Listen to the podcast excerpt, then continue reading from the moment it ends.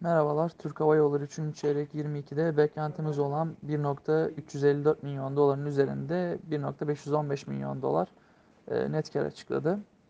Beklenenden iyi sonuçlar ağırlıklı olarak beklenenden daha iyi iştirak karları ve beklenenden düşük vergi giderlerinden kaynaklanmaktadır.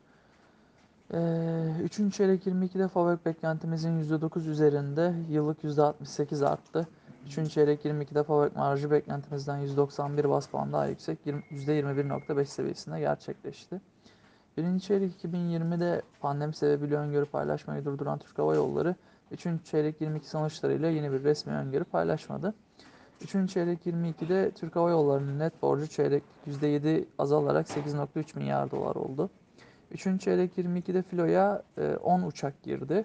9'u e, satın alım ve işte finansal lease, biri de kısa vadeli kiralama şeklinde kargo tarafına olmak üzere toplamda 10 uçak girmiş oldu. Üçüncü çeyrek 22'de net işletme sermayesi ihtiyacı 762 milyon dolar arttı. Ee, ikinci çeyrek 22'de 2.4 olan e, net borç bölü FAVÖK oranı üçüncü çeyrek 22'de 1.8 seviyesine geriledi. Gelir tablosundaki güçlü sonuçlara paralel olarak Türk Hava Yolları'nın e, önemli bir seviyede nakit yarattığını görüyoruz. Üçüncü çeyrek 22'de 740 milyon dolar tutarında bir nakit yaratıldığını hesaplamaktayız.